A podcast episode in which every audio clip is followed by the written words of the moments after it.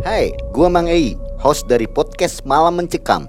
Saat ini gua dan tim sedang bekerja sama dengan Anchor, sebuah aplikasi yang kita gunain untuk membuat dan publish podcast kita ini. Kita mau kasih tahu nih, ternyata membuat podcast itu gampang banget dan 100% gratis. Selain gampang dan banyak digunain, semuanya yang kita perluin untuk membuat podcast juga ada di dalam Anchor. Termasuk untuk distribusi ke Spotify dan platform podcast lainnya. Yuk segera download aplikasi Anchor dan bikin podcast kamu segera. Assalamualaikum warahmatullahi wabarakatuh Sobat Malam Mencekam sekalian Kita ketemu lagi Kita berdoa semoga seluruh Sobat MM Dalam keadaan sehat walafiat Amin. Terima kasih sudah mendukung kita Dan saat ini kita berada di seputaran Pangandaran ya Kang Ya betul. Berada di seputaran Pangandaran Kita akan mendengarkan sebuah kisah yang akan disampaikan oleh Kang Yayan Jangan blues. Berdasarkan pengalaman pribadi ya nyata. berdasarkan kisah nyata dari Kang Yayan Blues. Assalamualaikum Kang Yayan. Waalaikumsalam warahmatullahi wabarakatuh. Gimana sehat? Keluarga, Alhamdulillah keluarga sehat. keluarga sehat Keluarga ya. sehat. Kang Yayan profesi apa? Sejauh ini saya sebagai pengamen ya, mungkin dikatakan pengamen, tapi solo, akustik dan misi vokal sendiri. Solo ya. Solo sendirian. Dari tahun berapa tuh Kang Yayan? Wah, saya dari kecil ya. Dari kecil. Dari kecil. Ya, Berarti kebetulan sudah mendarah daging banget ya. Betul. Kebetulan dengan gitar saya sudah menginjak beberapa negara. Oh, alhamdulillah Iya, ya. Amsterdam, Den Haag, eh, Belgia, dan bahkan kebetulan saya pernah ikut sebentar pendidikan di eh, sekolah musik di konservatorium Tilburg, Belanda. Di Belanda. Ya. Wah, ini ternyata bukan pernah. orang bilang zaman sekarang tuh bukan kaleng-kaleng ini. ini berat ini bukan kaleng-kaleng ya. Oke, sobat malam Cekam sekalian, kita langsung ke Kang Yayan Blues.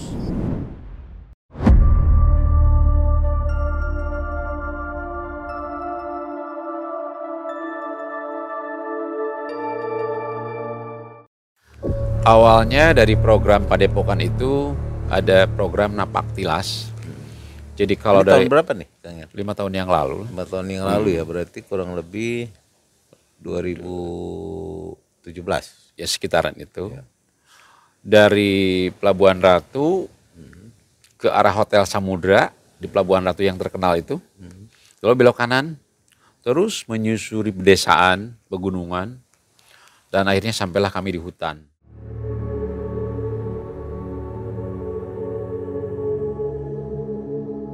Hutan belantara benar-benar saya pikir tidak ada orang yang pernah menginjak situ kalau menurut saya. Lihat dari situasinya. Sebelum maghrib kami sudah sampai. Lalu kami sholat berjamaah maghrib di hutan. Berjamaah-jamaah lainnya. Dan setelah selesai sholat wajib. Lalu masing-masing sholat sunat. Berlanjut ke zikir bersama. Zikir bersama ya. berapa orang tuh kurang lebih Kurang lebih ada sekitar 25 orang. 25 orang 25 orang ya.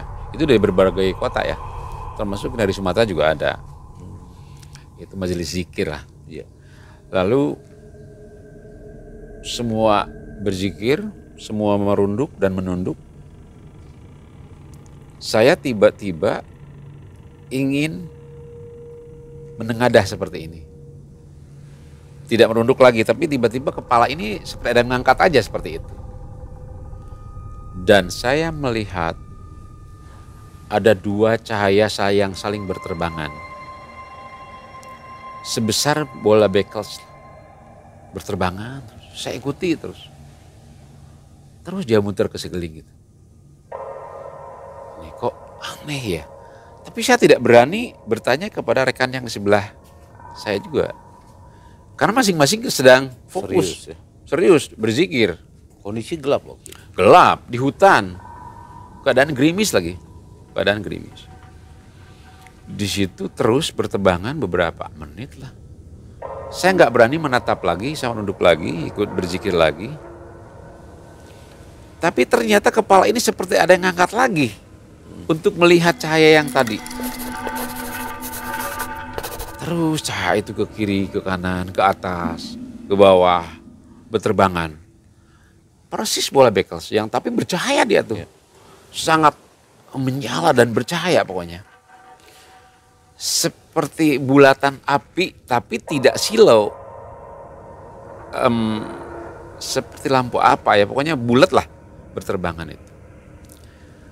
Saya jadi aneh karena saya yakin yang lihat aja saya. Yang lainnya sibuk berzikir dan Iya. ya, fokus. Setelah saya membaca ayat-ayat suci, menghilanglah benda itu. Dengan sendirinya entah ke mana. Hanya ketika dalam kejapan mata saya, menghilang. Udah nggak ada. Iya, udah nggak ada. Dan tentunya juga saya penasaran. Lalu pada subuh, saya memberanikan diri untuk bertanya. Pak Haji, saya melihat dua cahaya yang berterbangan ketika yang lain berzikir. Karena tiba-tiba kepala saya seolah ada yang mengangkat untuk melihat benda yang bercahaya itu. Bagus, kata Pak Haji. Ini luar biasa. Semua jamaah berharap melihat sesuatu yang aneh di sini.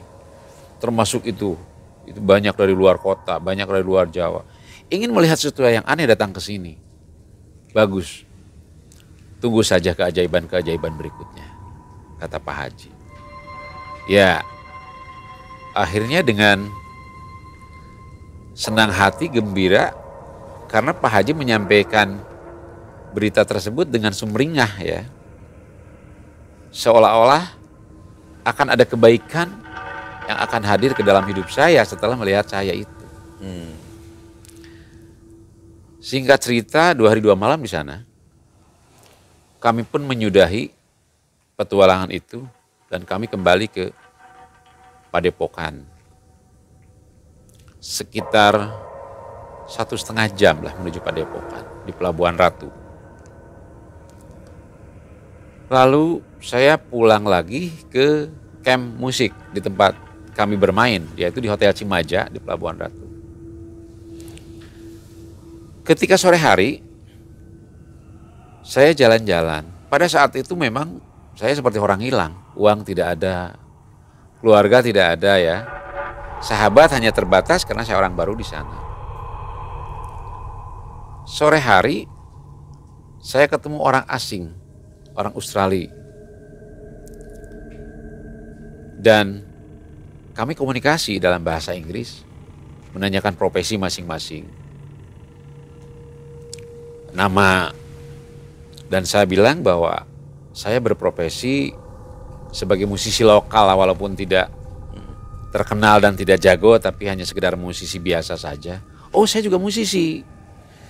Di sini saya sedang mencari ombak-ombak bagus untuk surfing. Tapi sekaligus saya sedang menggali musik-musik yang ada di Indonesia, kata orang yang dari Australia itu. Akhirnya kami saya diundang ke hotel karena dia antusias ketika saya bicara seorang pemusik, dia antusias untuk mengundang saya ke hotel. Begitu di hotel, banyak peralatan musik yang hebat-hebat, membawa dari Australia itu. Saat itu juga dia menawarkan pekerjaan ke saya.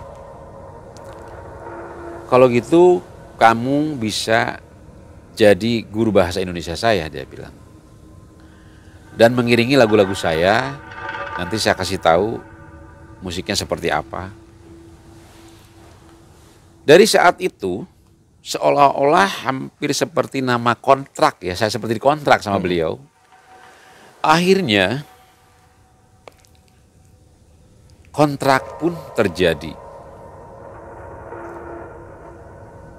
Jadi benar seperti yang Pak Haji katakan sama saya, ketika saya melihat dua cahaya itu. Ada kebaikan yang akan hadir dalam hidup kamu. Kata Pak Haji pemimpin jamaah waktu itu. Ya, tidak selang berapa lama setelah dari gunung tersebut melihat cahaya itu, saya mendapat job yang di luar dugaan sama sekali. Ketemu orang bule di situ juga bagi saya ini luar biasa. Akhirnya saya dikontrak. Dia bahasanya bekerja sama dia. Sebagai guru bahasa Indonesianya, kebetulan saya berbahasa Inggris. Sebagai pengiring musiknya. Bule itu ternyata sudah dapat lagu dari Kang Dul Sumbang di Bandung. Saya dikasih lagu sama Kang Dul Sumbang, kata si bule itu. Ini lagunya. Oh, luar biasa ini. Saya pelajari dan saya mengiringi lagu dari Kang Dul itu dan luar biasa.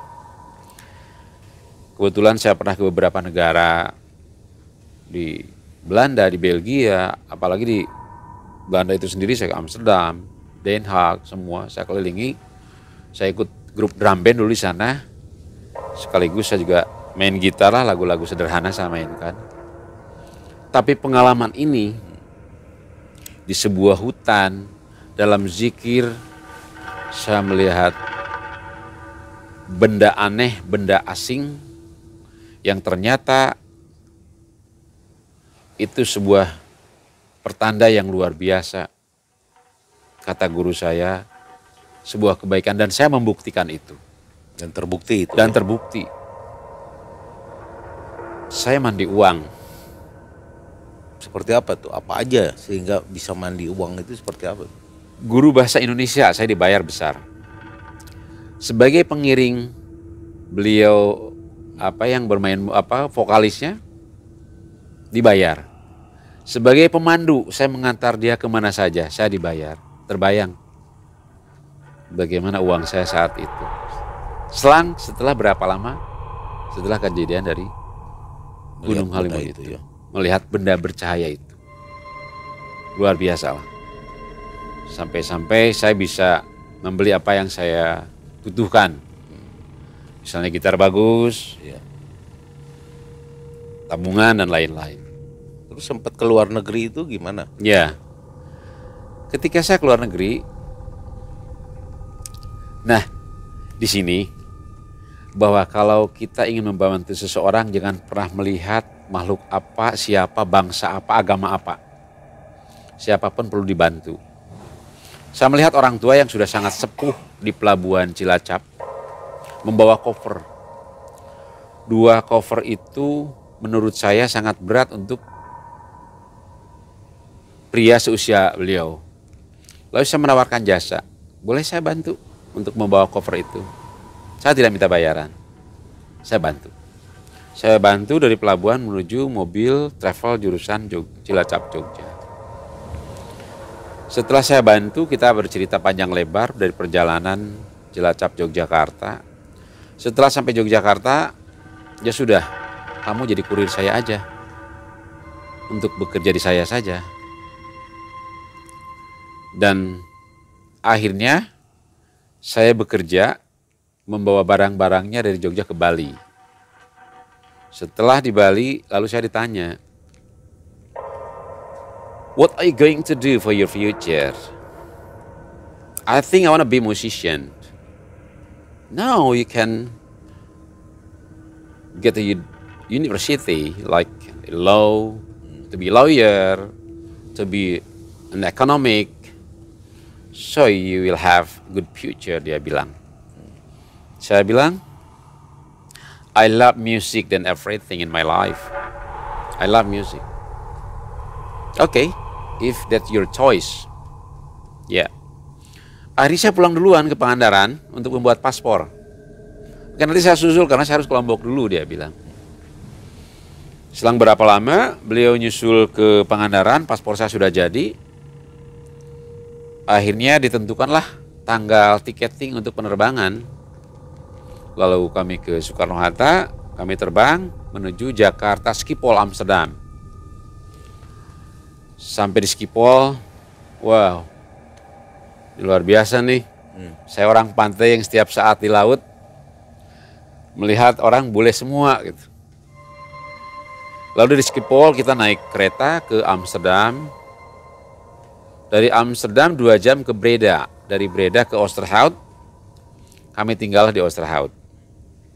Setelah tinggal beberapa di Oosterhout, kami melihat-lihat sekolah musik. You have to go to good music school, dia bilang. Oke. Okay. Akhirnya kami mendapatkanlah sekolah terbaik di sana, namanya konservatorium. Saya belajar sana.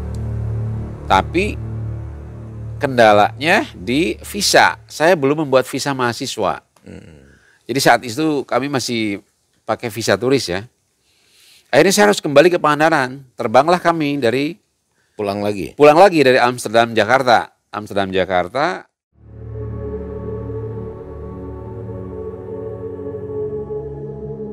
Jadilah visa mahasiswa dan kami terbang lagi. Saya terbang sendirian sambil bawa-bawa gitar ya.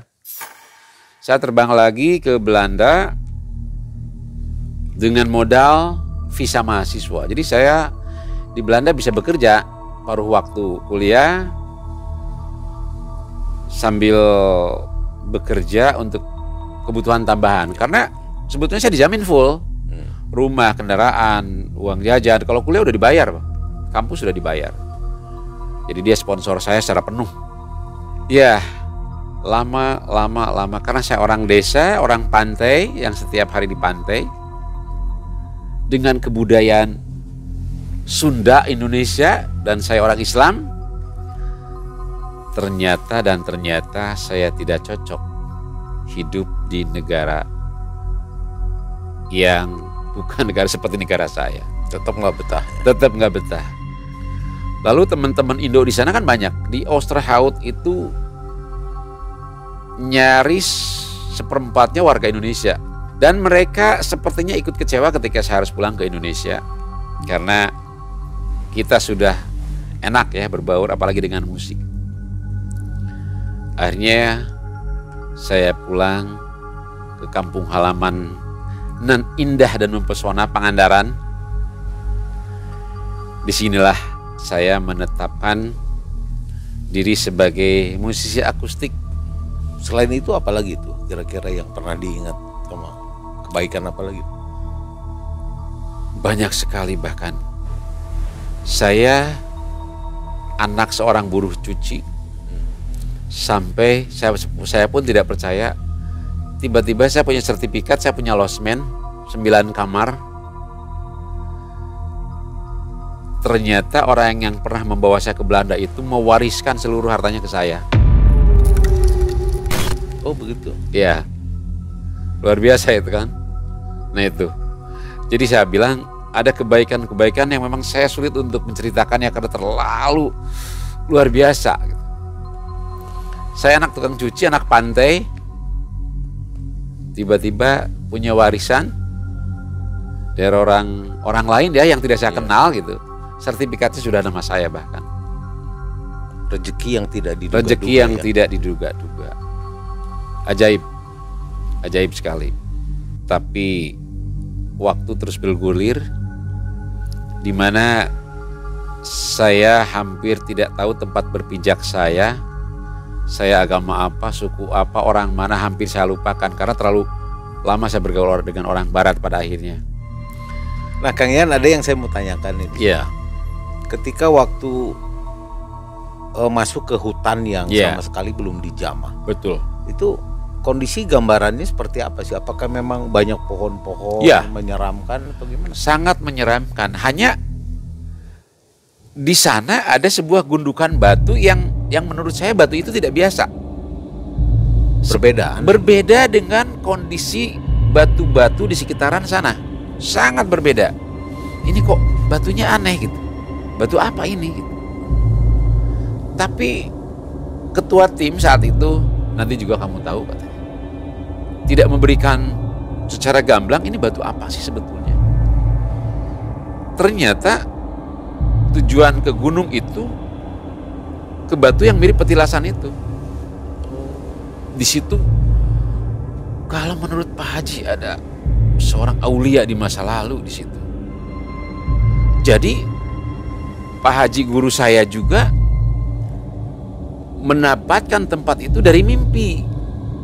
Dari mimpi. Karena saya yakin bahwa tempat itu belum dijamah. Jadi jarak antara ketika pertama masuk ke hutan tersebut Ya. sampai ketemu batu itu Ya. berapa panjang jarak? Untuk mendakinya saja kurang lebih satu jam. Mendakinya. Dan nggak ada jalan setapak. Gak ada itu kan buat jalan mendadak ya pakai golok. Hanya kok kok bisa di tempat seperti ini? Kalau dari kata muridnya Pak Haji, Pak Haji dari mimpi dapat tempat ini katanya. Ini kan ya luar biasa yang pada akhirnya saya menemukan keanehan-keanehan itu. Suasana menyeramkan. Wah suasana serem, serem asli serem, serem. Nah, Kang Yan, kan yang lain tuh mungkin dengan doa masing-masing, Iya, masing-masing. zikir masing-masing Iya. gitu ya. Kita nggak tahu ya mereka berdoa Iya. apa, zikir apa. Ya. Kalau Kang Yayan waktu itu apa nih? Doanya? Nah, doanya tuh Saya apa bilang tuh? ya Allah, saya capek miskin. Saya lelah. Sekiranya saya tidak miskin, saya yakin saya bisa berbagi dengan yang lain. Ya Allah berikanlah saya kebaikan, keberkahan, serta ya materi untuk kehidupan kami, untuk kehidupan saya. Itu doa saya. Ya, itu berulang-ulang terus. ya ya. berulang-ulang. Karena memang lama ya waktu berzikirnya. Iya. Diselik lagi la ilaha illallah ya. La ilaha illallah, la ilaha illallah, la ilaha illallah. Sambil ada keinginan ya. Iya, jadi eh, itu. memang dari awal dalam berzikir kamu ungkapkan apa keinginan kamu dari masing-masing jamaah. Hmm. Silahkan ungkapkan keinginan kamu. Dan saya itu doanya, ya Allah saya capek miskin. Ya Allah berikanlah saya kebaikan, keberkahan serta materi cukup untuk hidup kami. Itu doa saya. Dan tiba-tiba kepala saya dijawab. yang ngangkat. Mungkin itu langsung dijawab. Iya, mungkin langsung dijawab. Cuman Kang Ian nggak sadar kalau itu adalah sebuah jawaban. Iya, betul. Maka ditanyakan ke Pak Haji. Iya, ditanyakan ke Pak Haji. Bagus itu. Semua jamaah ingin melihat sesuatu yang aneh dan hanya kamu. Bersyukurlah. Begitu. Nah, Kang Ian setelah melihat dua cahaya tersebut, banyak Iya. efek yang terjadi ya, Hmm, kebaikan-kebaikan dalam hidup. iya. Seperti yang Kang Ian bilang tadi, mandi uang. Iya. Nah, bagaimana dengan ketaatan, kedekatan Kang Ian Iya. dengan Allah Subhanahu wa taala? Apa itu semakin rajin atau semakin berkurang?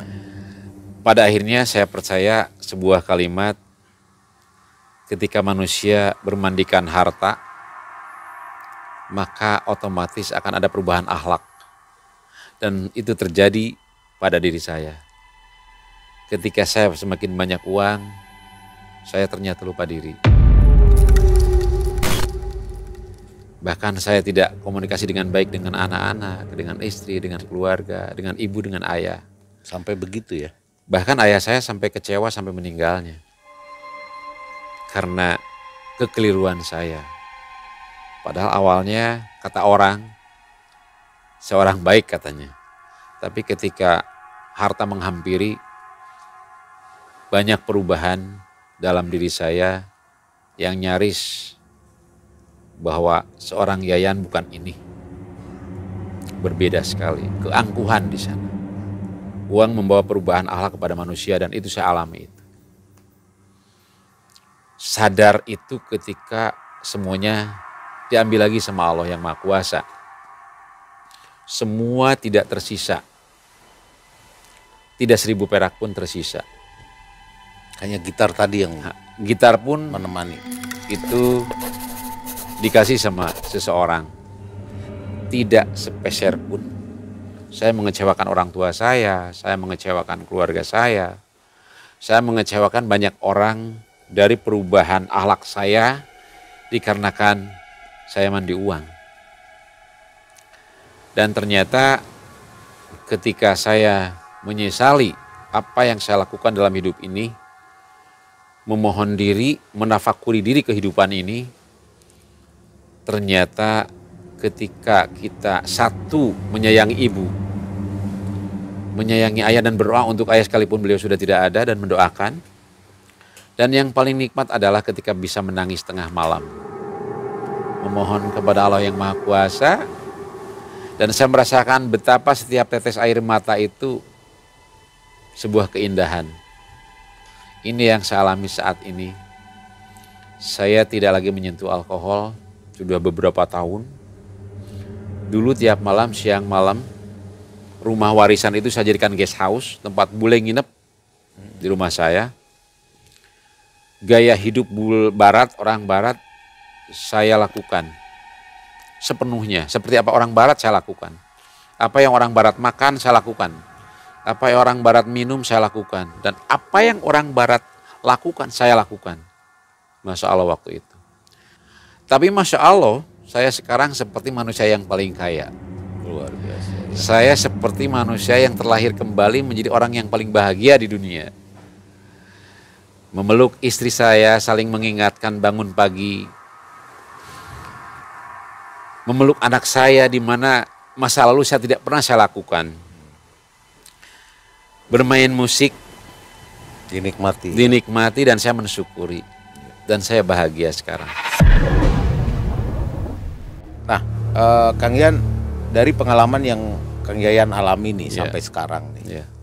perjalanan hidup sampai sekarang nih, kira-kira ada nggak pesan moral yang mau disampaikan ke sobat malam? ini? Ya. Sahabat, kekayaan bukanlah sebuah tujuan hidup. Saya pernah kaya. Sekelas apa di negara kita ini yang bisa bolak-balik Amsterdam Jakarta? Uang bukanlah jawaban. Harta bukanlah sesuatu yang harus digali terus-menerus. Saya mengalami dan itu tidak nyaman. Tapi ketika saya menjadi seorang pengamen, mensyukuri yang saya dapatkan, yang saya nikmati, ini luar biasa. Ternyata lebih nikmat ya. Lebih nikmat dan saya seperti orang yang lebih kaya dari siapa pun. Iya. Kebahagiaan saya nikmati, kenyamanan hidup saya nikmati. Iya. Membangun keluarga kecil yang setiap saat mendengarkan Penuh suara syukur adan ya. begitu indah. Penuh rasa syukur. Penuh rasa syukur. Nikmat ya. Luar biasa, Masya Allah nikmat hidup sekarang. Oke baiklah Kang Yan, terima kasih sudah berkisah dan bercerita di channel Malam Mencekam ya. Nah sobat Malam Mencekam sekalian, seperti yang apa disampaikan oleh Kang Yayan adalah bahwa harta bukan segala-galanya. Apalagi orang yang mengejar harta dengan melakukan banyak hal dan menghalalkan berbagai macam cara. Apakah itu pesugihan, Hmm.